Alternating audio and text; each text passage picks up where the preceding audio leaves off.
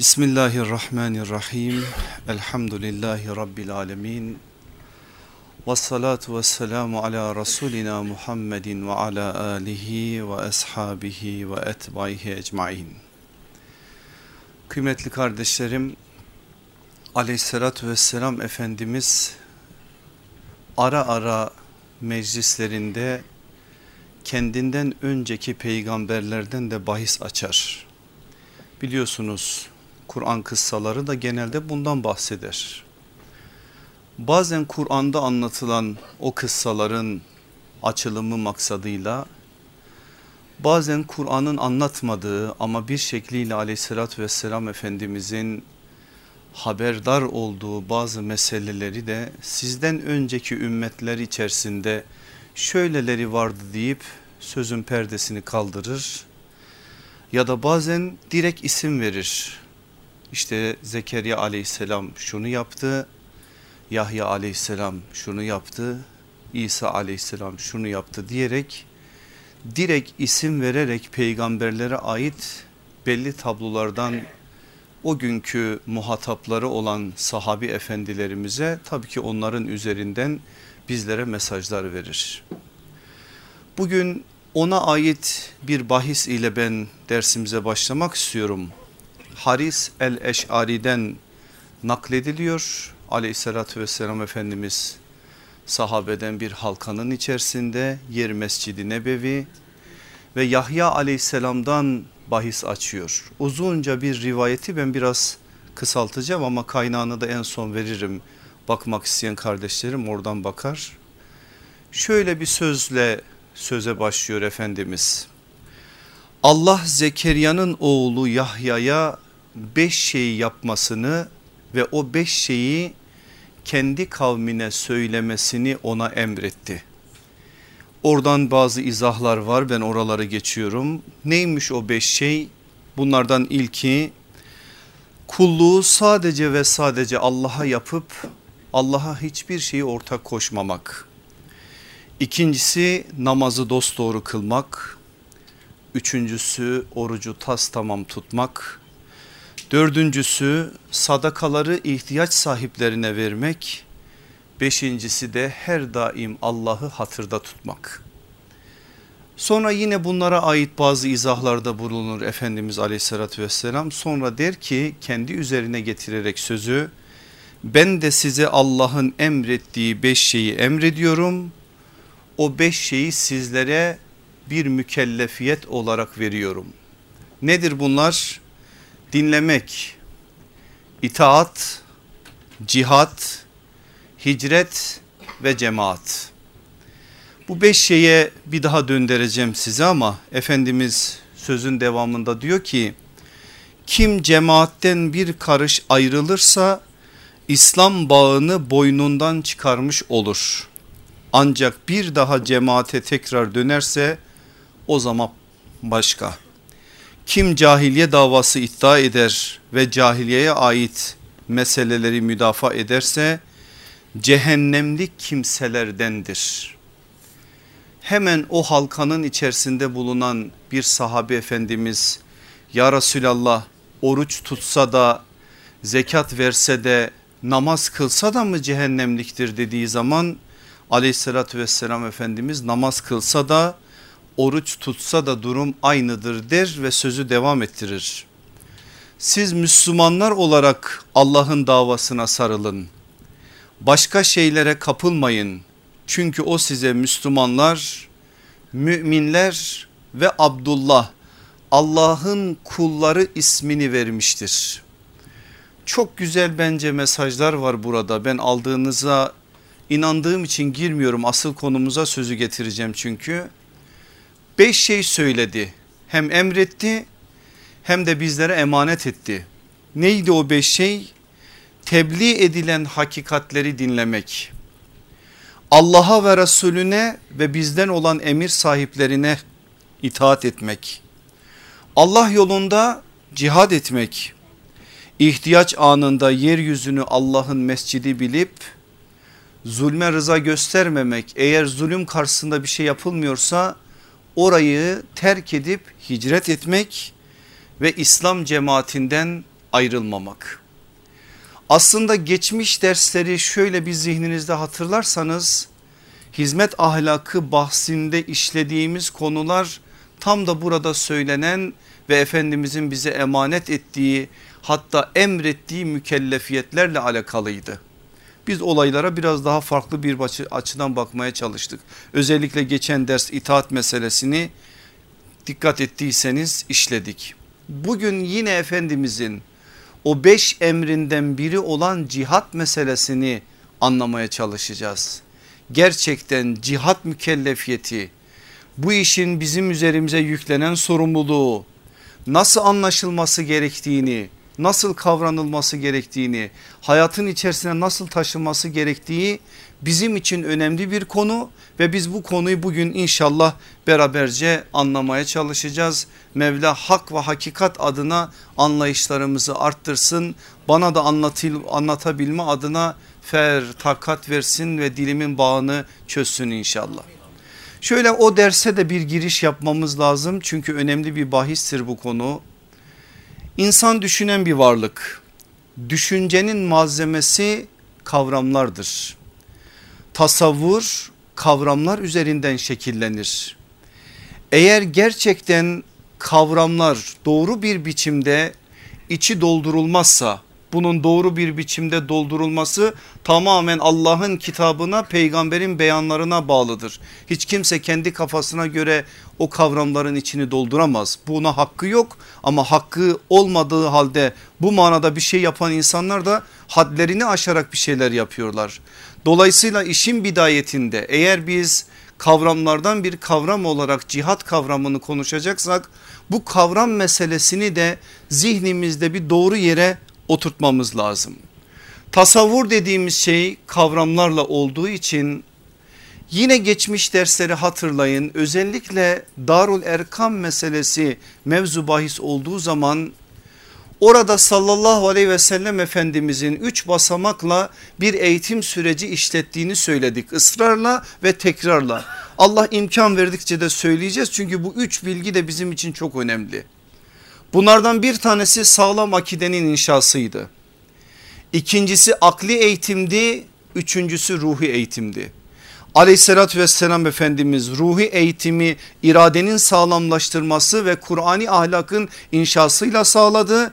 Ama mesela akılların eğitimine geldiği zaman kavramları öncelikle Allah nazarında ne anlam ifade ediyorsa o anlamı sahabenin dünyasına taşıyarak akli eğitimlerini başlatmış oldu. Böyle olduğu için aleyhissalatü vesselam Efendimiz bu işe çok ciddi bir önem verdi. Ne, neden? Çünkü kavramlar işin mihenk taşıdır. Ölçü algı ayet aletidir aslında kavramlar. Eğer siz onu yanlış ele aldığınız zaman ondan sonra ölçeceğiniz, biçeceğiniz, üzerine bina edeceğiniz, konuşacağınız her mevzuyu mecburen temel yanlış olduğu için yanlışın üzerine bina edeceksiniz. Şöyle basit bir örnek vereyim ki meramım iyice anlaşılsın. Şu düğmeyi gömleğin düğmelerini düşünün. Kavramlar dediğiniz şey bu gömlekli, gömleğin düğmelerinin en alt düğmesi. Onu bir tane yanlış bağladığınız zaman artık yukarıya doğru doğru bağlamanız mümkün olmaz. Aşağı yanlış başladığı için üstüne üstüne o yanlış devam edecek ve yanlış yanlış üstüne gelip eylemler de netice itibariyle yanlış olacak. Şimdi biz bakıyoruz mesela diyoruz ki falanca adamın şöyle bir hatası var. Eylem üzerinden değerlendirme yapıyoruz. Ancak eylem üzerinden değerlendirme yaptığımız zaman çoğu zaman da fayda verecek bir neticeye çoğu zaman da fayda verecek bir muhasebe işi vardıramıyoruz. Çünkü adamın düşünce dünyasında arıza var. Meseleyi bir kere özünde yanlış anlamış. Yanlış anlayan bir insandan doğru eylem düşünmek, doğru eylem ortaya koymasını beklemek yanlış olur. Bugün birçok mesele böyle olduğu gibi bugün asıl konumuz olan cihat meselesi de böyle. Ama ben yine ona gelmeden somut bir şey söylemek istiyorum. İzliyorsunuz haberleri günlerce buna benzer haberler duyuyorsunuz. Adam giriyor bir eve yaşlı bir hanım var yaşlı bir teyze emekli maaşıyla kendine bir bilezik almış ya da boynuna bir kolye almış. Onu ondan alma adına kendini bir hak sahibi görüyor. Bilezikleri çıkaramayınca da kolunu kesiyor zavallı kadının. Belki de çok az bir meblağ olan o miktarı elde etme pahasına canice böyle bir şeyin altına imza atıyor. Şimdi biz bunu okurken ya da televizyonlardan izlerken yahu bir insan nasıl bu kadar canileşir diyoruz. Ama gelin o hırsızın dünyasına meseleye hırsızın dünyasından bakın adam kendini buna ikna ettirmiş. Eğer kendisi buna inanmazsa yapmaz. O hırsızın dünyasından baktığınız zaman şunları duyacaksınız. Burada bir haksızlık var. Benim annem yok babam yok ben yetimim ya da kimsesizim. Annem babam beni benden yüz çevirdi. Devlet bana bakmadı. Bunlar haksız bir biçimde bizim sırtımızdan bu paraları kazandılar. Derken işte kendilerine bir şeyler aldılar. Dolayısıyla o kolundan çıkardığım bilezik aslında benim. Kendisini buna inandırtmayan bir insan o caniliği yapamaz. Aynı şeyi getirin mesela yakın bir zamanda olan bir hadise üzerinden söyleyeceğim. Bombaları üzerine bağla gir bir Luna Park'a zavallı çocukları havaya uçur ve bunu da Allah adına yap. Bunun adı da cihat olsun bu da Allah adına yapılmış bir iş olsun. Bir insan kendini buna inandırmasa bunun gerçekten cihat olduğuna inanmazsa bunu yapamaz. Asla bu manada adım atamaz. Demek ki başta işin zemininde o güzel kavrama o büyük kavrama farklı ve yanlış anlamlar ihtiva ettiği için yüklediği için netice itibariyle ortaya çıkan sonuç da zemin temel yanlış ve hatalı olduğu için atalı ve yanlış olacaktır. İşte biz o yanlışlara düşmeme adına kavramlara zulüm etmeme adına kavramları Allah'ın konuşlandırdığı gibi anlamak zorundayız. Onun yeri de Kur'an'dır, hadislerdir. Biz de inşallah onu yapmaya çalışacağız. Kavramlara zulmetme gibi bir ifade kullandım. Bilinçli olarak kullandım. Zulmün birkaç tane anlamı var ama bir anlamı da şudur. Eşyayı Allah'ın koyduğu yerden etmek. Allah her şeye bir yer tayin ediyor sen o yerden aşağıya da düşürsen ya da yukarıya çıkarsan yani Allah'ın koyduğu yerden daha fazla bir değer koysan daha fazla bir değer ona yüklesen o kavrama iyilik yapmış olmuyorsun. Zaten değerini düşürdüğün zaman iyilik yapmazsın ama Allah'ın koyduğu yerden daha yukarıya çıkardığın zaman da iyilik yapmazsın. Çünkü zulüm eşyayı yerinden etmektir. Bu yerinden etmenin yukarıya olmasıyla aşağıya olması arasında hiçbir fark yok. İkisinin adı da zulümdür. İkisinin adı da haddi aşmaktır. İkisinin adı da kıymete kanaat etmemektir. Allah'ın koyduğu yere razı olmayıp kendisinin o eşyaya yer tayin etme adına haddi aşma noktasında adım atmasıdır. İşte biz bugün birçok kavramımızın ne yazık ki böyle bir zulme uğradığına şahit oluyoruz. Allah aşkına ben susayım siz konuşun. Şahadet kavramının, şehitlik kavramının bugün insanlıktan çektiği zulmü hiçbir kavram çekmiyor. Allah şehit dediği şehadet dediği bir ifade var. O kavramın içi dolu Kur'an'da da dolu hadislerde de dolu. Bakıyorsun adamın Allah'ın kitabıyla peygamberin sünnetiyle Allah'ın şeriatıyla uzaktan yakından alakası yok. Öldüğü zaman en büyük şehit o oluyor. Arkasına önüne bir sürü metiyeler dizilerek o adam farklı bir makamın sahibiymiş gibi güya insanlara takdim ediliyor. Şehitlik kavramı bugün insanlığın elinden çekiyor ve bunda biz aslında mesulüz. Çünkü kendi kavramlarımıza Allah'ın yüklediği anlam kadar anlam yükleyip sahip çıkamadığımız için başkalarının elinde oyuncağa döndü. Aynı şey şeriat kavramı için geçerli. Aynı şey hilafet kavramı için geçerli. Aynı şey sabır kavramı için geçerli. Aynı şey millet kavramı için geçerli. Bütün bu kavramlar ne yazık ki ya ifrat adına ya tefrit adına bir yönüyle zulmün malzemesi olmuş. Böyle olduğu için de Allah'ın onu koyduğu yerde biz o manada bir tayini gerçekleştiremediğimiz için tam anlamıyla istifade edememişiz. İşte bugün cihat kavramını da biraz bu çerçeveden değerlendirmeye çalışacak. Daha fazla uzatmayayım gelin bir giriş yapalım. Cihat kavramına üç farklı yaklaşım sergileniyor. Dördüncü müspeti söylemeyeceğim. Üç farklı yaklaşım. Birincisi içini tamamen boşaltanlar. İkincisi içini sadece kital, savaş ile dolduranlar. Üçüncüsü içini sadece tebliğ, davet ile dolduranlar. Üç tane farklı yaklaşım, üçü de menfi.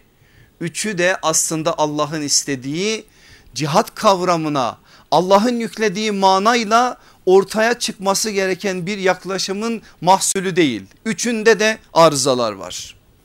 Birincisi içini tamamen boşaltanlar. Şimdi batı cihat kavramını özellikle de tercüme etmiyor. Şöyle haberleri falan izlediğiniz zaman göreceksiniz. O kavram üzerinden İslam dünyasını mahkum etmeye çalışıyor. Cihadist diye bir zümre onların nazarında Böyle bir zümre terörle uğraşan işleri güçleri terör olan bir zümre zaten. E, bütün yaklaşım böyle olunca ne oluyor bu sefer? Bu taraftan Müslümanlar bu kavrama küsüyor. Bir bakıyorsun adam hayatı boyunca insanlara vaazda nasihatta bulunmuştur kitaplar yazmıştır ama cihat onun dünyasında yoktur. Cihadı adeta silmiştir cihat diye bir kavram onun mahallesine gelmemiştir üstünü örtmüştür başka anlamlar yüklemiştir farklı farklı şeyler söyleyerek içini boşaltmış bir biçimde hatta üstünü örtmüş bir biçimde o cihat kavramıyla bir münasebet kurmuştur ki bu bir arızalı yaklaşımdır. İkincisi sadece kital savaşla içini dolduranlar. Kur'an'da ne kadar cihatla ilgili ayet varsa karşısında savaş.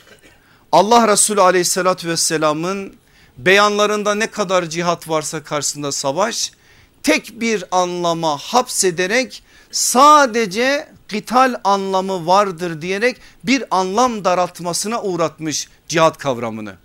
Bu da azımsanmayacak kadar çok bugün içimizde. Ne yazık ki özellikle bazı kardeşlerimiz Güya cihadın faziletini dile getirme adına Allah yolunda savaşın ne demek olduğunu insanlara öğretme adına belki masumane belki farklı bir niyet belki farklı bir mülahazayla özellikle cihada ait bütün ifadelerin sadece kitali karşıladığını savaşı karşıladığına dair bir tavırlarını görüyorsunuz.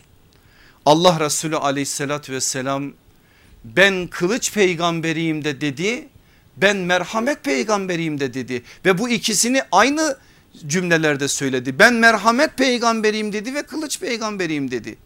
Peygamber sallallahu aleyhi ve sellemin bu beyanı açıkça ortadayken sen merhamet meselesini üstünü örterek sadece işi savaşa indirgersen öncelikli olarak sallallahu aleyhi ve sellemin bu beyanına arkasından Kur'an'ın biraz sonra söyleyeceğiz onlarca beyanına arkasından Efendimizin başka beyanlarına aykırı davranmış olursun. Üçüncü zümre üçüncü arızalı tavır içini sadece tebliğ ve davetle doldurmak. Cihat deyince savaş yok.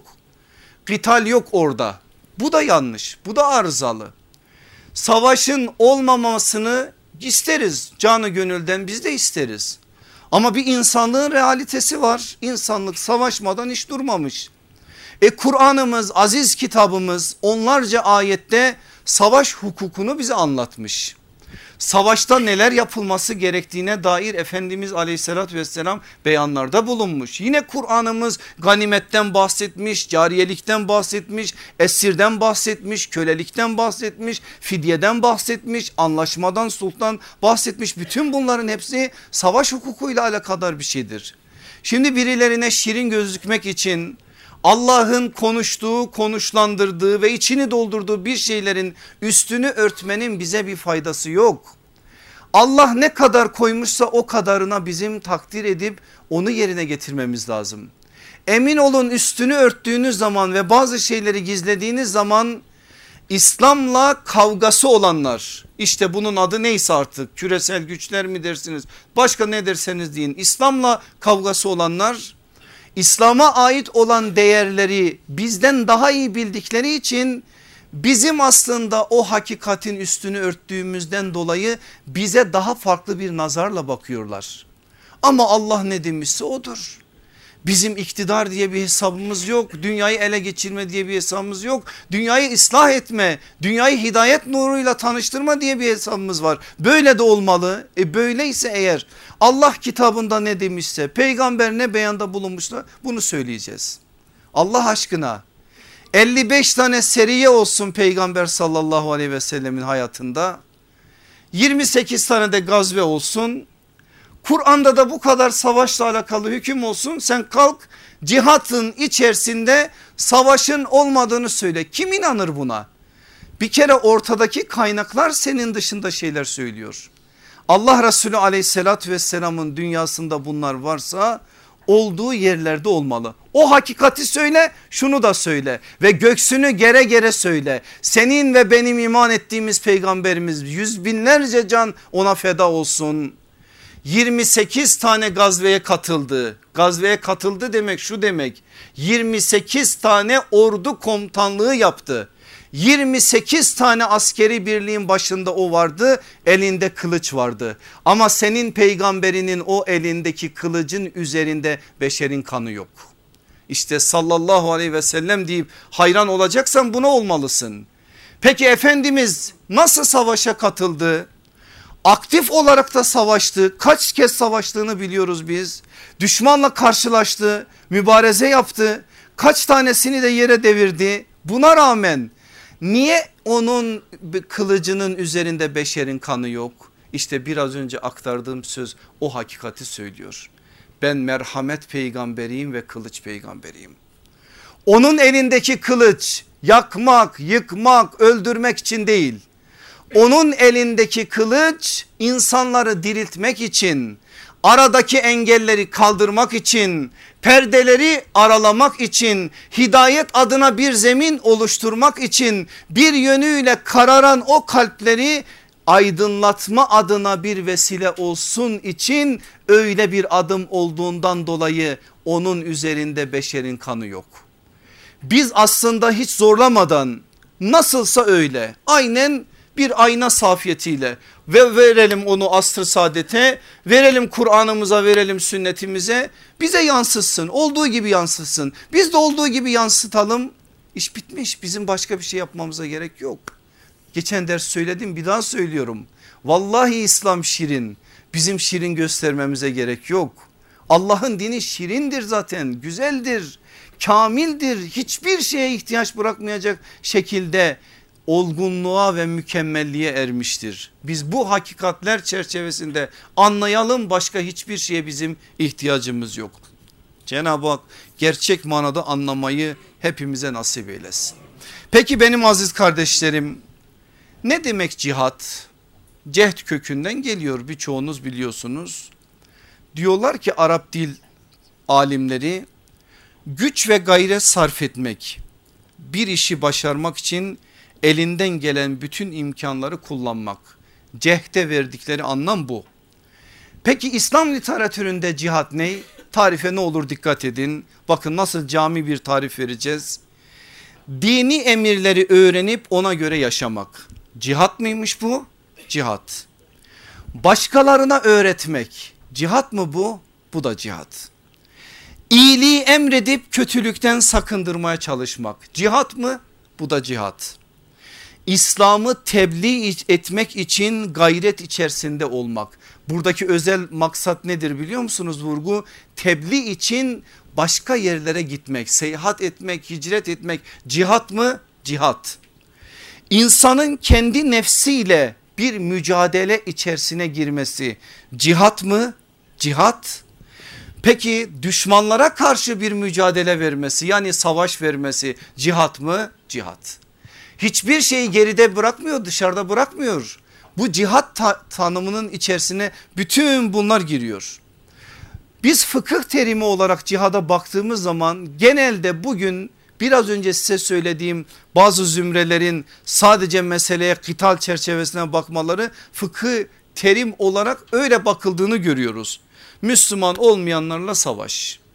Meselenin tasavvufi tarafından baktığınız zaman da sadece nefisle olan mücadele, nefisle olan cihat. Bunların hepsi aslında bu cami kavramının içerisinde. Biz Kur'an'a ve hadislere göre cihat kavramının tanımına baktığımız zaman aslında biraz önce size verdiğim bu tanımların hepsini içerdiğini görüyoruz.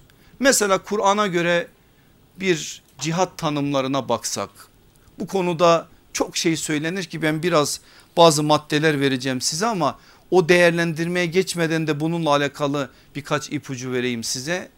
Kur'an-ı Kerim'de isim olarak cihat dört kez çeşitli türevleriyle 24 kez mücahit şeklinde ise iki kez geçer. Ama Kur'an-ı Kerim'de cihadı anlatan ayetler bunlardan ibaret değildir. Ben değerlendirmeyi bunun üzerinden yapacağım ama sadece bunlardan ibaret değildir. Mesela fi sebilillah diye bir kavram var Kur'an-ı Kerim'de tam 42 yerde ve çoğunu Cenab-ı Hak bize orada anlatırken cihatla alakadar bir şey olarak anlatıyor. Onların içerisinden bir miktarı da kitalle alakalıdır. Yine direkt savaşla alakalı anlattığı, kitalle alakalı anlattığı ayetler var. Eğer biz değerlendirmeyi onların üzerinden vermiş olsak çok daha geniş bir zamana ve geniş mevzulara ihtiyacımız var ki onu yapmayacağım. Şimdi ben biraz önce söylediğim gibi 4 tane cihat kavramının 24 tane çeşitli türevleriyle yani fiil olarak ya da farklı bir biçimde gelen şekliyle iki tane de Kur'an'da mücahit kavramının geçtiği yerleri dikkat alarak size bir değerlendirme yapmak istiyorum. Yine bir şey daha söyleyeyim öyle gireyim bunlar aklıma geldikçe söylüyorum. Bir hakikat ki çok önemli bir hakikat cihat kavramı medeni ayetlerde geçen bir kavram değildir sadece. Mekki ayetlerde de geçen bir kavramdır. Bu önemli bir bilgidir bizim için ve o kavramın ne anlam ihtiva ettiğini Kur'an'ın nüzül sürecinden de zaten çıkarabiliriz. Oraya girersem uzayacak söz ama bir şey emanet ederek size burayı geçeyim. Özellikle Furkan suresinin 52. ayetini Ankebut suresinin 69. ayetini ne olur tefsirleriyle beraber okuyun. Okuyun ki Cihat ne zaman sallallahu aleyhi ve sellemin dünyasına girmiş? Ne zaman o cihat içerisinden kıtal meselesi mevzu bahis olmuş o süreci de daha iyi anlamış olasınız. Efendimiz aleyhissalatü vesselam risalete ve nübüvvete muhatap olur olmaz cihat başladı. Kıtal ise 14 yıl sonra başladı. Bunu söylüyorum ve geçiyorum. Gelin şimdi Kur'an-ı Kerim'e göre cihat nedir sorusuna bir cevap bulalım. Birincisi cihat Kur'an-ı Kerim'de amellerin en faziletlisi ve en hayırlısı olarak kullanılan bir kavramdır. Sadece ayet numaralarını vereyim siz bakın. Biz burada bir vaaz ya da sohbet yapmıyoruz. Alışıksınız artık biz bir ders yapıyoruz. Onun için biliyorum içinizden bazı kardeşlerim bir hafta boyunca bunların üzerinde duruyorlar ki durmayanlara da bir örnek olsun diye zaten bunu söylüyorum. Ondan dolayı bazı şeyleri veriyorum size siz bakacaksınız. Cihat Kur'an-ı Kerim'de amellerin en faziletlisi ve en hayırlısı olarak kullanılan kavramdır. Tevbe suresinin 19. ayet, Tevbe suresinin 20. ayet, yine Tevbe suresinin 88. ayet buna delildir. İkincisi cihat Kur'an-ı Kerim'de ferdi bir sorumluluğu ifade eden bir kavramdır. Dikkat buyurun cihat Kur'an-ı Kerim'de ferdi bir sorumluluğu ifade eden bir kavramdır. Yanlış anlaşılmasın diye ayeti vermek istiyorum. Cihad eden ancak kendisi için cihad etmiş olur. Şüphesiz Allah alemlerden müstahnidir yani onun hiçbir şeye ihtiyacı yoktur. Ankebut suresi 6. ayet ki Mekki bir ayet bakın. Üçüncüsü cihat Kur'an-ı Kerim'de Allah'ın affını rahmetini ve yardımını kazandırtan amellerden en önemlisinin olduğu hakikatini belirten bir kavramdır. Bakara 218, Nahl 110, Ankebut 69 buna örnek. Ankebut 69 Mekki bir ayet bir hatırlayalım. Ama bizim uğrumuzda cihat edenleri elbette kendi yollarımıza eriştireceğiz. Hiç şüphe yok ki Allah iyi davrananlarla beraberdir. Bir vaat var bir müjde var bir de önemli bir bilgi var burada. Ahmet bin Hanbel rahmetullahi aleyh bu ayeti tefsir ederken çok önemli bir şeye dikkat çekiyor. Diyor ki eğer dine ait bazı meseleleri birileriyle istişare edecekseniz zorlandığınız bir alan var ve o alanda birilerinin görüşüne ihtiyacınız var ve o görüşü şey başvurmak için birilerinin ayağına gidecekseniz eğer şer'i bir fetva var ve o fetvayı alma adına birine müracaat etmek durumunda kalırsanız bu ayet kapsamına göre ve bu ayetin uyarısına göre Allah yolunda cihat edenlerden biriyle istişare etmek zorundasınız. Sadece bu işi başka bir mülahazayla yapan bir insanın size vereceği şer'i fetva bağlayıcı değildir. Çok önemli bir şey söylüyor aslında Ahmet bin Hanbel rahmetullahi aleyh. İşte bu ayeti biz eğer bu çerçeveden de anlarsak Allah yolunda cihadın cihad etmenin ne demek olduğunu daha iyi anlamış oluruz. Yine bu kapsamda Nisa 95, Maide 35, 54 de bunlarla alakalı. Dördüncüsü cihat Kur'an-ı Kerim'de imtihanın en önemli vesilesi ve cennete ulaşmanın en önemli yolu olduğunu belirten bir kavramdır. Ali İmran 142 Tevbe 86 Muhammed 31. Beşincisi cihat Kur'an-ı Kerim'de sadece bedenen yapılan bir amel değil mal ve başka nimetlerle de yapılan bir amel olduğunu belirten bir kavramdır. Enfal 72 Hucurat 15 Saf 11 Tevbe 44 Tevbe 81. Demek ki sadece bedenen değil mal ile de yapılabilir. Zaten gelecek haftaki konumuz ne biliyor musunuz? Çeşitleriyle cihat. Cihat sadece bir alanda değil tek çeşitte değil. O nedir? Hangi alanlarda olur? Bunun gerçekten Allah Resulü aleyhissalatü vesselamın dünyasındaki karşılığı nedir? Mesela bir mücahit olarak bir gazveye katılanla Medine'de oturanları sallallahu aleyhi ve sellem nasıl değerlendirdi? Acaba aynı gördü mü görmedi mi? Acaba birine verdiği bir görevi birine vermediği bir görevi ama cihada çıkarken bir mücahit olarak bir göreve gönderdiği birisiyle aynı tuttu mu eş değerde gördü mü? Çeşitleriyle cihadı işlediğimiz zaman o zaman onu göreceğiz. Altıncısı cihat Kur'an-ı Kerim'de gerçek müminliğin işareti olduğunu belirten bir kavramdır. Enfal 74 bunun delili. Yedincisi cihat Kur'an-ı Kerim'de müminlerin birbirlerine dost ve sırdaş olmalarının en önemli sebebi olduğunu belirten bir kavramdır. Enfal 75, Tevbe 16, Mümtehine 1. Sekizincisi cihat Kur'an-ı Kerim'de kafirlere ve münafıklara karşı zafiyet göstermeden sertçe ortaya konması gerektiğini belirten bir kavramdır. Aslında burada söylenen şey cihadın usulüne ait de çok önemli bir ipucu veriyor bize. Bir daha tekrar ediyorum. Cihad Kur'an-ı Kerim'de kafirlere ve münafıklara karşı zafiyet göstermeden sertçe ortaya konması gerektiğini belirten bir kavramdır. Ey peygamber kafirlere ve münafıklara karşı cihad et Onlara karşı sert davran. Onların varacakları yer cehennemdir.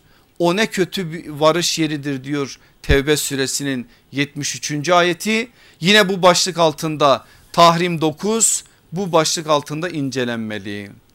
Dokuzuncusu cihat Kur'an-ı Kerim'de şartlar oluştuğu zaman yerine getirilmesi gereken ve bahanelere nedir bahane? Yaş mesela Yaş genelde bizim aklımıza sahabe geldiği zaman çocukken de bu manada bir heves görüyoruz hatta bir ızdırap görüyoruz ama siz yaşı ilerlemiş olanlara da bunu anlayın. İşte 93 yaşında bakın Ebu Eyyub El Ensari onu buraya getiren bu zaten. Yine Ebu Talha 80 küsür yaşında yine Ümmü Haram anamız 86 yaşında yani bu iş genç işi değil bu iş yaş işi de değil bu iş baş işi de değil yani cinsiyetle de alakası yok. Bu iş iman işidir Kur'an da onu söylüyor. Cihat Kur'an-ı Kerim'de şartlar oluştuğu zaman yerine getirilmesi gereken ve bahanelere takılmadan yapılması zorunlu bir amel olduğunu belirten bir kavramdır. Tevbe 24, Tevbe 41 bunun de delilleri. Onuncusu cihat Kur'an-ı Kerim'de hakkı verilerek yerine getirilmesi gereken istenen bir sorumluluk olduğunu belirten bir kavramdır. Bunun içinde Hac suresi 78. ayet. 11.si cihat Kur'an-ı Kerim'de münafıklara çok ağır ve zor geldiği belirtilen bir kavramdır. Münafıklar zorlanırlar aynen sabah namazı gibi. Bunun içinde Nur suresi 53. ayet. Son maddeyi de söylüyorum. Cihat Kur'an-ı Kerim'de özellikle inkarcılara karşı kendisiyle yapılması gerektiğini belirten bir kavramdır. Dikkat buyurun ifade mühim ve bugün cihadın sürekliliğine ait bir işaret var burada. Cihat Kur'an-ı Kerim'de özellikle inkarcılara karşı kendisiyle yapılması gerektiğini belirten bir kavramdır. Fela tuti'il kafirine ve cahidhum cihaden kebira bu işte büyük cihada çağırıyor Kur'an. O halde kafirlere boyun eğme bununla yani Kur'an ile onlara karşı olanca gücünle bir cihat ver. Furkan suresinin 52. ayeti ki size havale ettiğim ayet buydu. Tefsirlerine baktığınız zaman da göreceksiniz. Bu 12. madde özellikle cihadın tek alanı olmadığını bize söylüyor sadece medeni ayetlerden ibaret olmadığını da söylüyor. Kur'an'ın en önemli cihat malzemesi cihat aracı olduğunu söylüyor. Kur'an'ın üzerinden en önemli cihat malzemesinin söz olduğunu söylüyor. Kıyamete kadar da söz ile bu cihadın devam edeceğine dair bir işaret de veriyor. Daha neler neler veriyor ki siz okudukça göreceksiniz. Şimdi benim aziz kardeşlerim aslında o ayetleri birer birer ele alıp değerlendirmemiz lazım ama ona imkanımız yok. Bu kadarla iktifa edelim. Gelelim hadislere göre cihat nasıl anlaşılmalıdır bahsine. Burada da yine size bazı başlıklar vereceğim. Birincisi şu cihat hakiki bir imandan sonra yapılması gereken bir ameldir. Burası çok önemli bir şey. Allah Resulü aleyhissalatü vesselam ısrarla ve tekrarla bu hakikatin dikkatini altını çiziyor. Mücahit mücahit olmadan önce müvahhid olmalıdır. Muvahhid olmayan birisi hakkıyla mücahit olamaz. Öncelikle muvahhid olacak, tevhidi anlayacak, imanı anlayacak iman hakikatlerini kavrayacak. Ne için mücadele verdiğini çok iyi anlayacak. Ve bu manada o muvahhidliğin kendisine yüklediği sorumluluktan haberdar olacak.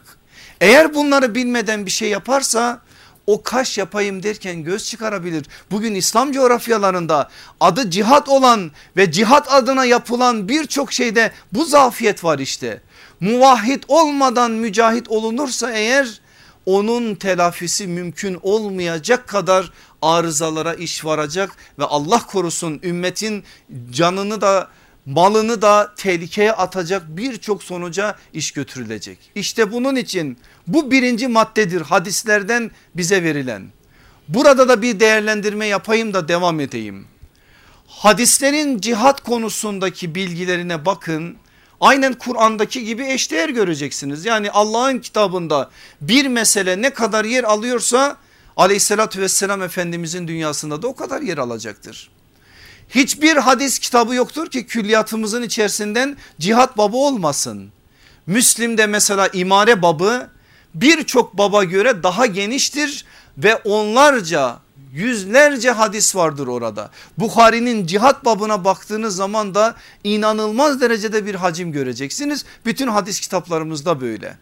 Bu işin bu kadar yer alması meselenin ehemmiyetini bize verir. Ama bunların hepsini değerlendirmek ne kadar mümkün bilmiyorum ama ben büyük bir kısmını değerlendirerek bunları sizlerle paylaşmaya çalışıyorum.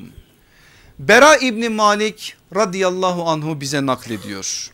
Diyor ki tepeden tırnağa silahlı bir adam aleyhissalatü vesselam efendimizin huzuruna geldi ve şöyle söyledi. Bir savaş bir seriye sırasında ya Resulallah sizinle beraber önce savaşa mı katılayım yoksa Müslüman mı olayım? Demek ki adam Müslüman değil.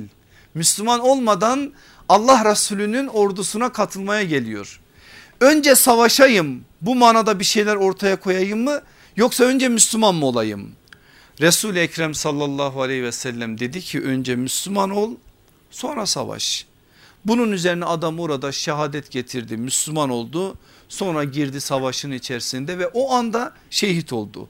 Allah Resulü aleyhissalatü vesselam da dedi ki az çalıştı çok kazandı. Ne namaz var ne oruç var gusül bile yok. Bilemiyoruz savaş meydanında ne oldu ama iman etti. İman etti ve için o imanın arkasından cihada savaşa dahil oldu. Allah da şehadetle onu nasiplendirdi ve arkasından böyle bir netice oldu. Müslüman olması konusunda sallallahu aleyhi ve sellemin onu uyarması en başta söylediğimiz o bilgiyle alakalı. Önce muvahhid sonra mücahit. Başka izahlara bakın peygamberimizin konu uzamasın diye girmiyorum ama girmesem de yarım kalacak. Mesela Efendimiz sallallahu aleyhi ve sellem bazen diyor ki mücahit odur ki nefsiyle cihat eden muhacir de odur ki sevapla günahlardan sevaplara bir yönüyle hicret eden bir tarif verdi Efendimiz aleyhissalatü vesselam. Şimdi burada hepinizin bildiği bir hadis var. Tebuk gazvesinin arkasından dönerken hadis diye rivayet edilen bir söz var düzeltelim. Bir söz var küçük cihattan döndük büyük cihada geldik diyor o söz ve aleyhissalatü vesselam Efendimiz nefisle cihada başlama adına orada bir teşvikte bulunuyor. Muhaddis ulemaya bakın muhakkik ulemaya o rivayeti ciddi bir biçimde tenkit etmişlerdir. Ancak orada söylenen sözü destekleyen başka hadisler var. Biraz önce size aktardığım mesela Müslim'de geçen Ebu Davud'da geçen bir hadistir. Mücahit nefsinin isteklerine karşı cihad ederek günahtan uzak durmak için mücadele eden kimsedir. Hadisi Müslim hadisidir ve bu hadis sahih bir rivayettir. Buradan da şunu öğreniyoruz aslında. Özellikle mücahit olacak adam nefsiyle bu manada bazı şeyleri çözmüş adam olmalıdır. Çünkü Allah korusun eğer belli şeyleri anlamadan belli şeyleri kavramadan belli şeyleri hayatına taşımadan savaş meydanına çıkan birisi o savaş meydanının heyecanıyla Allah'ın çizgilerine yani hududullah'a aykırı davranabilir. İşte o yanlışa düşmemesi adına önce muvahhid sonra mücahit siz buna şunu da ekleyin. Önce muhacir sonra muha mücahit. Önce muhafız sonra mücahit. Önce müstakim sonra mücahit. Bunlar öncelikli olacak ki arkasından o gelince güç kuvvet birilerinin elinde zulme ve aksızlığa dönüşmesin. İkincisi cihat İslam ile insan arasındaki engelleri kaldırmak için yapılan bir ameldir. Hadislerden elde ettiğimiz bir tanım bu dikkat buyurun. Cihat İslam ile insan arasındaki engelleri kaldırmak için yapılan bir ameldir. Şimdi böyle sizi sarsacak ve biraz da üzerinde tefekkür edeceğiniz size bir tarif vermek istiyorum. İmam Maturidi tanımayanınız yok. Ne diyor biliyor, biliyor musunuz o büyük imamımız?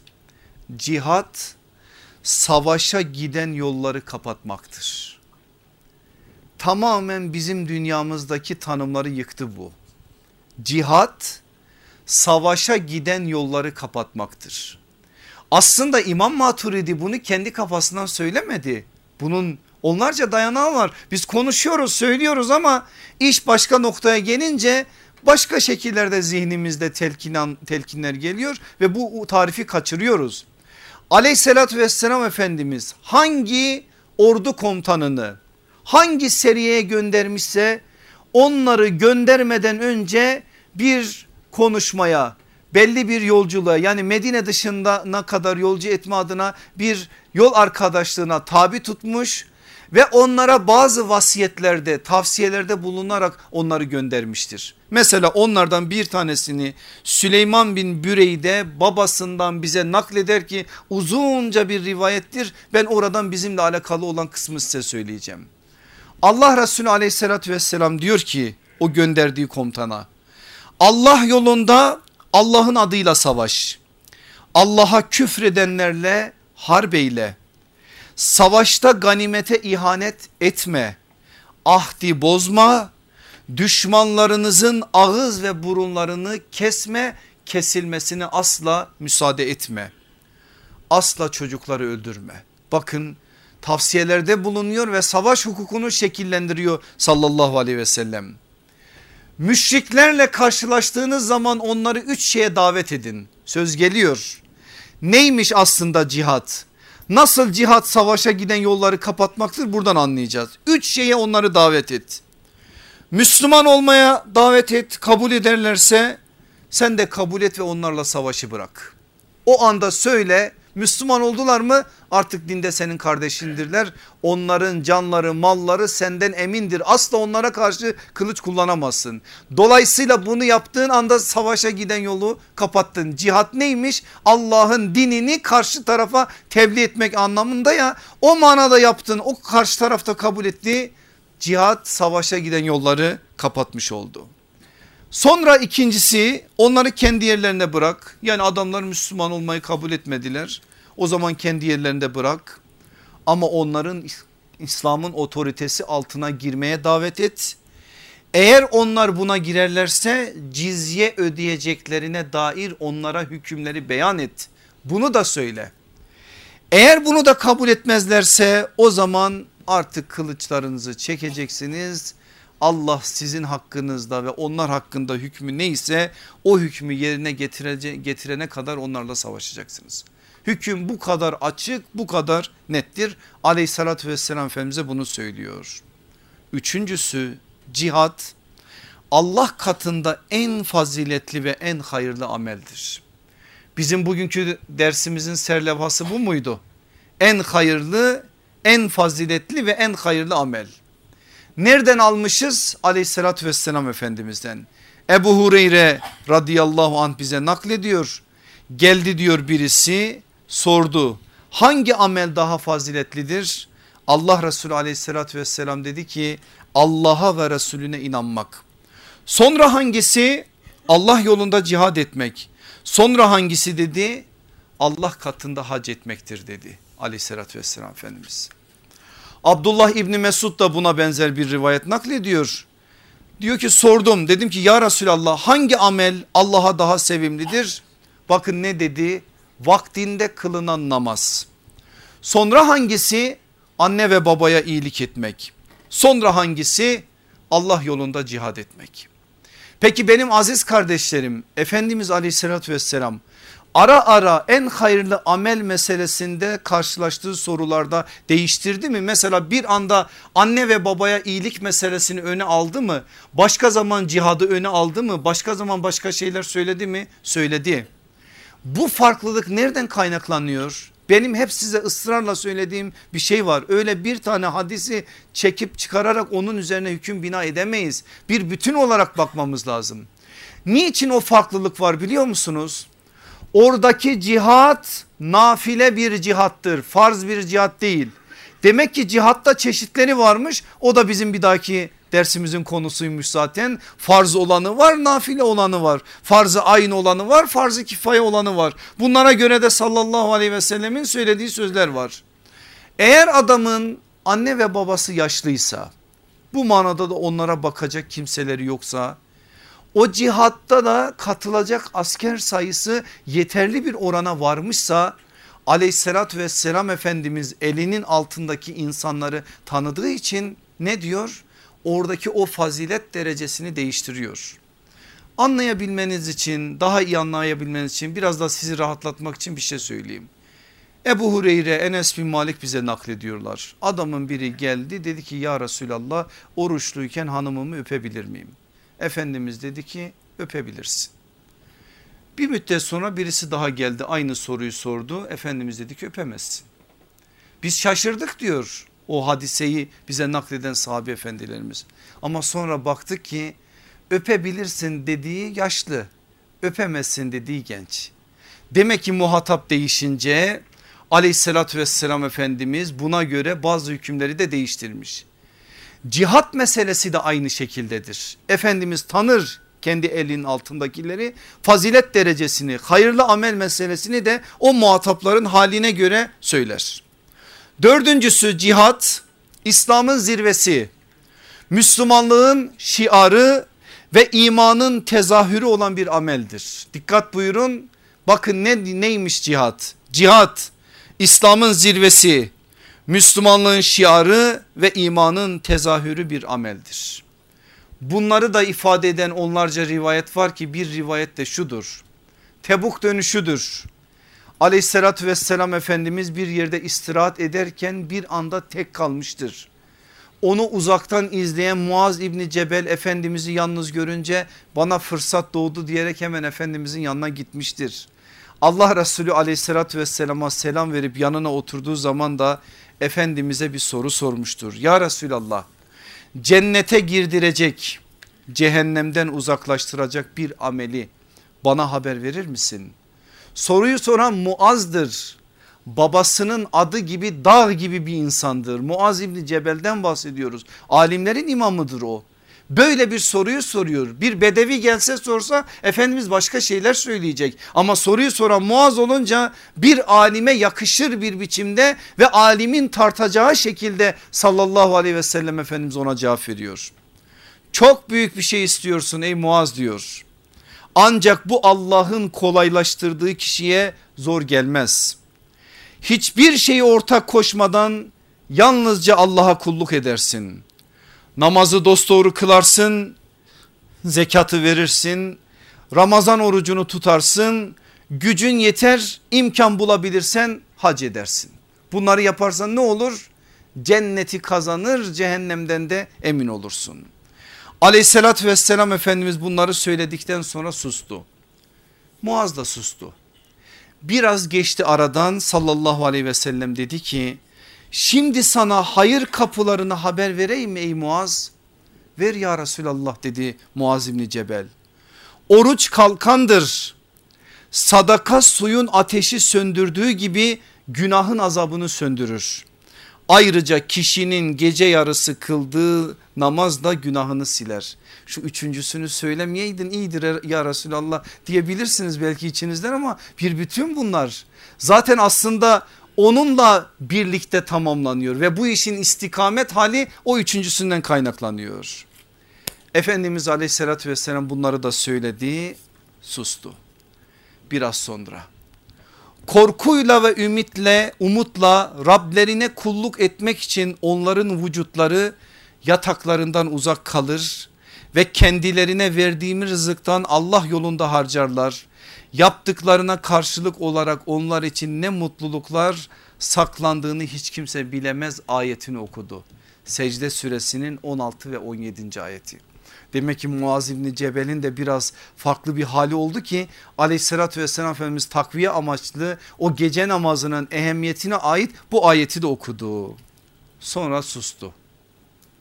Bir müddet sonra bir daha sözü Efendimiz devam ettiriyor sana bütün bu işlerin başını ana direğini asıl o işi ayakta tutan ana direği ve zirvesini doruk noktasını bildireyim mi ya Muaz?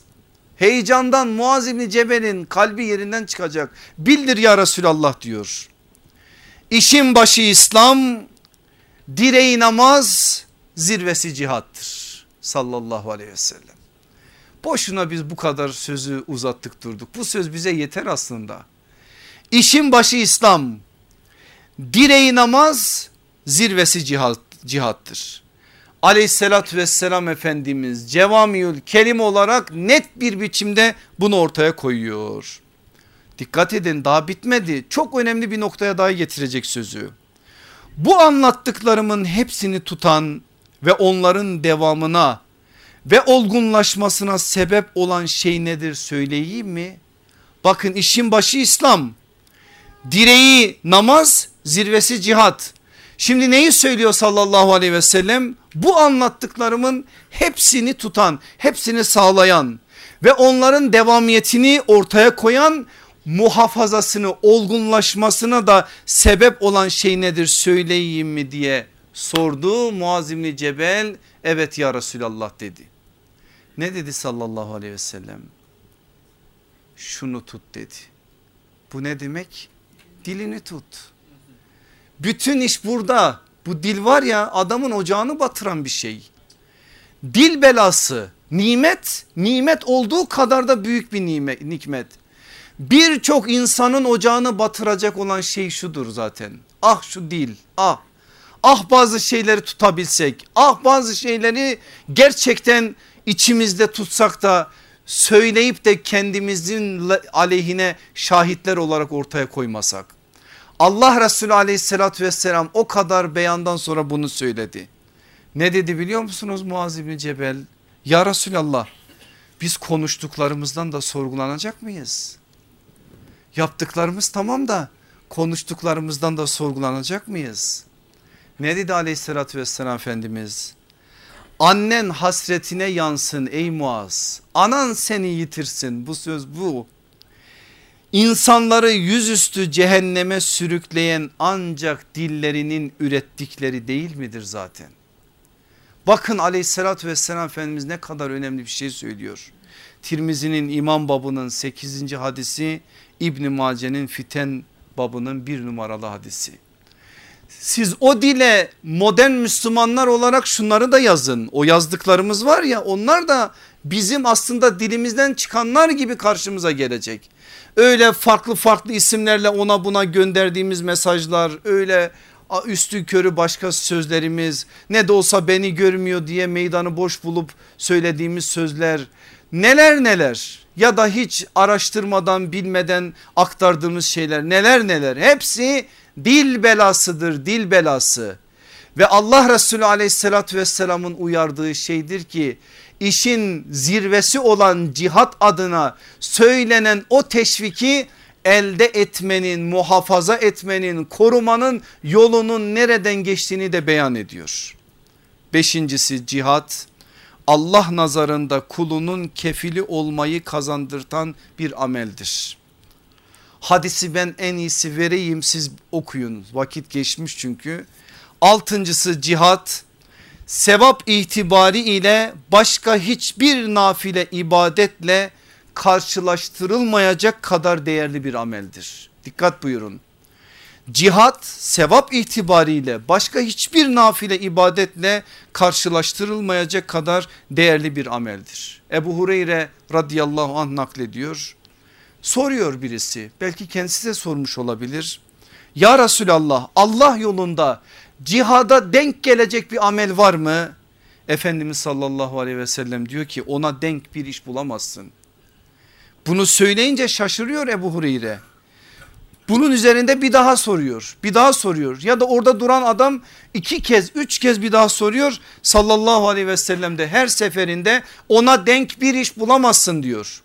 Bakıyor ki anlamıyor sorunun sahibi aleyhissalatü vesselam efendimiz diyor ki Allah yolunda cihad eden kimsenin benzeri gündüzleri oruç tutan geceleri namaz kılan Allah'ın ayetlerine hakkıyla itaat eden ve Allah yolunda cihad eden kimse cepheden dönünceye kadar namaza ve oruca hiçbir şekilde ara vermeyen kimse gibidir. Yapabilir misin bunu? Bukhari'deki rivayet öyle, öyledir. Sen diyor bir mücahit Allah yolunda cihada gitti. Kaç gün kaç ay kaç yıl kaldı döndü geldi. O süre zarfında sen geceni gündüzünü oruçla kıyamla geçirebilir misin? Geçiremezsin. İşte o zaman ona denk gelecek bir amel işleyemezsin. Allah yolunda cihadın ne kadar büyük bir şey olduğunu ama özellikle dikkat çektiğimiz noktayı unutmayın. Nafile olarak ne kadar büyük bir şey olduğunu böylelikle beyan ediyor. Yedincisi cihat cennetin yollarını kolaylaştıran cehennemi ise yapandan uzaklaştıran bir ameldir. Şu müjdeye bakın Allah aşkına şu müjdeye müjdenin zemini de şöyle bir zemindir. Allah Resulü aleyhissalatü vesselam birini bir sefere gönderiyor. Giderken ayağı biraz tozlanıyor o da o tozu temizlemeye çalışıyor. Efendimiz o mücahide söylüyor bu sözü. Allah yolunda ayakları tozlanan bir kula cehennem ateşi dokunmaz. Müjde büyük bir müjdedir. Onun için aleyhissalatü vesselam Efendimiz eğer kendisi çıkmayacak da Medine'nin dışına bir askeri birlik gönderecekse Medine'nin ta uzak noktalarına kadar onlarla beraber gider mücahidi atının üzerine bindirir kendisi ise yayan yürür ya Resulallah sen de bin denildiği zaman istiyorum ki Allah yolunda benim ayaklarımda tozlansın diyerek bu manadaki meseleyi ne kadar önemli bir mesele olduğunu ortaya koyar. Onlarca şey söylenir bununla alakalı olarak yine.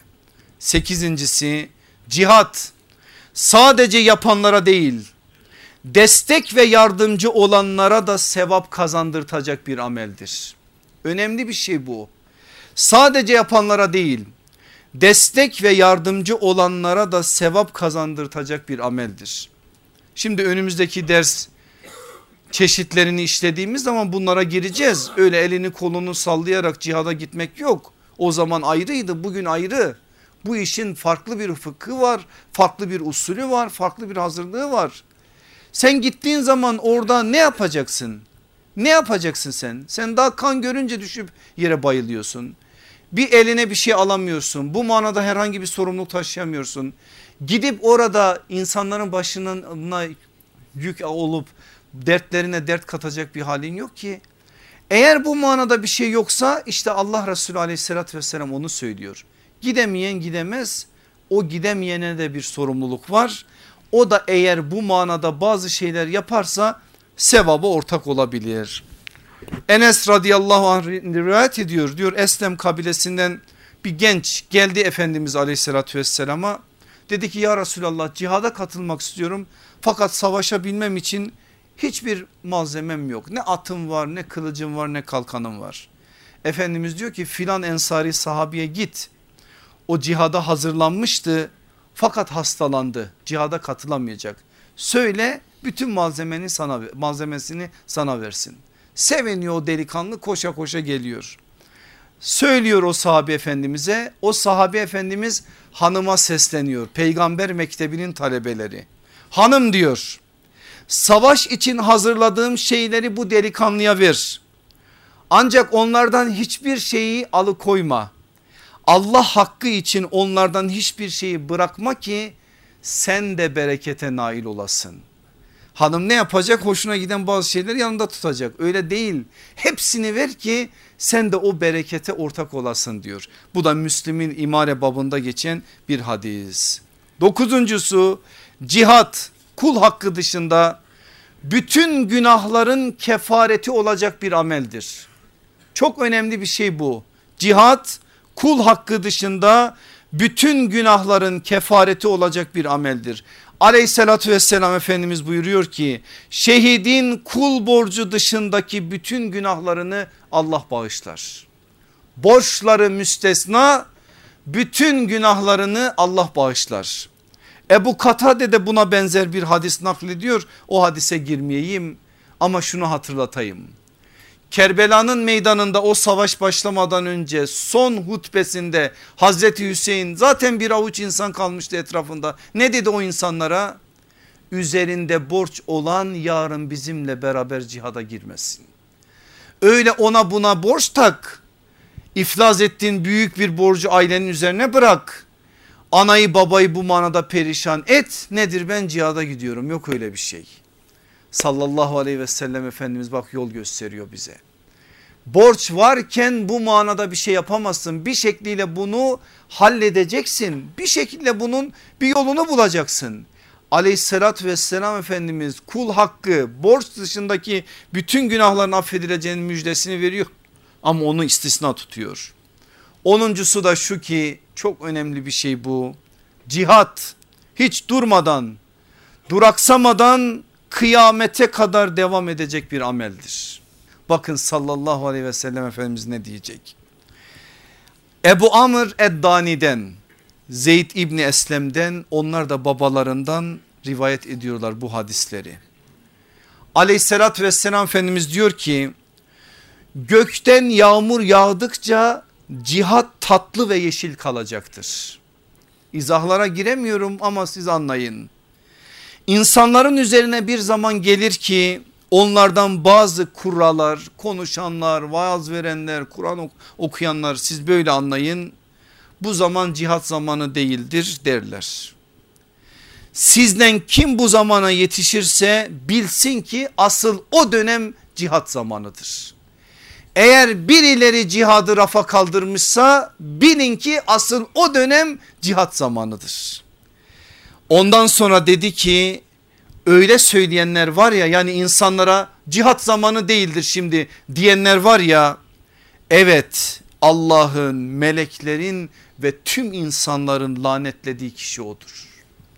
Aleyhissalatü vesselam Efendimiz böyle dehşet bir şeye bizi çağırıyor ve bir mesaj veriyor. Bir diğer rivayet şu Seleme İbni Nüfeil el-Kindi naklediyor bize. Büyük ihtimalle Huneyn'in arkasıdır. Huneyn kazanılmış dünya kadar ganimet elde edilmiş. Allah Resulü aleyhissalatü vesselam da onların büyük bir kısmını pay etmiş. O anlarda birisi geliyor aleyhissalatü vesselam efendimize diyor ki ey Allah'ın Resulü insanlar atlarını salı verdiler silahlarını da bıraktılar ve şöyle diyorlar artık cihat yoktur kuşkusuz ki harp ağırlıklarını bırakmıştır. Anladınız değil mi sözü artık cihat yoktur kuşkusuz ki harp yani savaş ağırlıklarını bırakmıştır. Bir anda baktık diyor sallallahu aleyhi ve sellem efendimize yüzünün rengi değişti. Kadaplandığını fark ettik. Ve hiç öyle görmemiştik. Öyle bir anda anda kızgın bir seda ile yalan söylüyorlar. Asıl şimdi cihat zamanı geldi dedi. Ümmetimin içinden öyle bir cemaat olacak ki onlar hak yolunda cihat adına gayret edecekler ve savaşacaklar. Allah da bir kısım insanların kalplerini onlara meylettirecek ve onlar yüzünden diğerlerine rızık verilecek. Demek ki mücahitler rızık alınmasının bir vesilesi. Kıyamet kopup Allah'ın vaadi yerine gelinceye kadar dikkat buyurun. Hatta Yecüc ve Mecüc çıkıncaya dek bu böyle devam edecek. Kıyamet gününe kadar atların alınlarında hayır vardır. Rabbim bana vahyederek bildirdi ki çok geçmeden ruhum kaz bulunacak. Sizler benim yoluma uyacaksınız. Bir kısmınız da bir kısmınızın boynunu vuracaktır ve müminlerin esas yurdu Şam olacaktır. Sallallahu aleyhi ve sellem Efendimiz Nesai'de Ahmet bin Hanbel'de bunu söylüyor. Niye bugün Suriye bu halde? Alın konuşan değil konuşturulan konuşuyor ve müjdeyi böyle veriyor. İnşallah bir gün oralara selamet gelecek buna inanın gelecek ama bizim dünyamızda bu iş ne kadar asıl mesele o. Yoksa su akacak yatağını bulacak taş düşecek düştüğü yerde bir yer bulacak. Asıl imtihan biz bunların karşısında ne yapmışız onun hesabını vereceğiz ki Allah bizlere onu inşallah tattırsın. Benim aziz kardeşlerim son sözüm şu. Biliyorum ağır şeyler söyledim, zor şeyler söyledim. Daha da zorunu söyleyeyim sizi bu gece uykusuz bırakayım. Ben de uykusuz kalayım. İnşallah yarın daha farklı bir biçimde bazı şeyleri sorgulanmış olalım. Bugün 1 milyar 700 milyon Müslümandan bahsediliyor. Adı öyle ne kadar Müslüman Allah bilir ama biz mecburen ikrarı esas almak durumundayız. Zillet halinde miyiz? Hiç kimse bize demesin ki biz izzet halindeyiz. Evet zillet halindeyiz. Bangladeş'te yaşananları gördünüz gözümüzün içine baka baka bir İslam alimini idam ettiler ve biz sadece seyrettik. Bizim cihadımız sadece sosyal medyada güzel güzel sloganlar atmak oldu. Hiçbir şey yapamadık elimiz kolumuz bağlandı ve daha neler neler gelecek arkasından neler neler olacak. Şu memlekette bile neler neler oluyor neler neler görüyoruz. Etrafımızda bir sürü hadiseye şahit oluyoruz ve ümmet olarak bir zillet halindeyiz. Zilletin sebebini söylüyor sallallahu aleyhi ve sellem Efendimiz.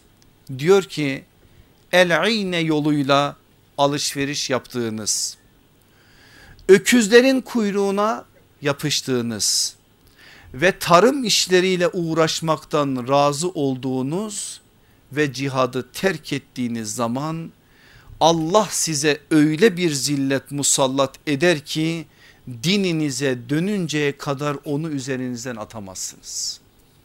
Bu hangi hadis biliyor musunuz? Ebu Davud'un Kitabul Buyu'da geçen 56 numaralı hadis. El-ine nedir biliyor musunuz? Çok bildiğiniz bir şey çok tanıdık gelecek size. Ve bazı ticaretle yapan kardeşlerimin morali bozulacak belki bunu duydukları zaman. Bir malı karşı taraftan veresiye alıp ya aynı tarafa ya başka bir tarafa peşin biraz daha aşağıya satıp nakit para elde etmek. Bunun adı el-ine bu var bugün bu dünya yaşadığımız şu topraklarda da var. Burada söylenen şey nedir bilmem anladınız mı? Yani alışverişi en önemli mesele görmeniz. Alışveriş yapmamanız değil böyle bir şey yok. Dünyadan nasibini unutmayacaksın. Eğer alışverişse Allah'ın seni sevk ettiği alan o alanın da hakkını vereceksin. Şimdi biz mal ile cihadı konuşacağız bir dahaki hafta. Öküzlerin kuyruğuna yapıştığınız ve tarım işleriyle uğraşmayı en önemli mesele gördünüz. Yani ahiret öncelikli yaşamayı terk edip dünya öncelikli yaşamaya başladığınız zaman cihadı da terk ettiniz. Bana ne dediniz? Hocaların işi dediniz. Hocalar yapsın biz sonra yapalım dediniz. Birilerine havale ederek bu işi yan gelip yattınız. Böylelikle de zillete mahkum oldunuz. Ve aleyhissalatü vesselam Efendimiz diyor ki tekrardan dininize dönünceye kadar. Dine dönmeyi ne, nasıl anladık? Bu dinin direği namaz zirvesi cihat. Eğer bu şekliyle bu, bu dine tekrardan dönerseniz Allah sizi o zilletten kurtura, kurtaracak ve sizi aziz kılacak. Aziz olmanın yolu izzeti elbise olarak edinmenin yolu cihadı hayatın merkezi haline getirmektir. Eğer böyle olursa Allah bizi zilletten kurtaracak. Ben şu duayı yapıyorum ve gönülden bu duayı yapıyorum. Diyorum ki Allah'ım şurada olan şu aziz cemaati şu anda bizi dünyanın dört bir tarafında dinleyen kardeşlerimizi ve o 1 milyar 700 milyonun içerisinde olan bütün mümin kardeşlerimizi cihat adına o hakikati anlayıp ne kadarsa onların kıraatleri kametleri ona uygun bir biçimde bu manada bir şeyler yapmaları adına onlara yardım eyle. Amin. Beni de o yardım edeceklerinin arasına kat Amin. ve senin yolunda son nefesimize kadar o aziz olan dinini ilahi kelmetullah sancağını hakkıyla tebliğ edip temsil edip o yolda cihad etme adına bizim şevkimizi gayretimizi arttır ya Rabbi.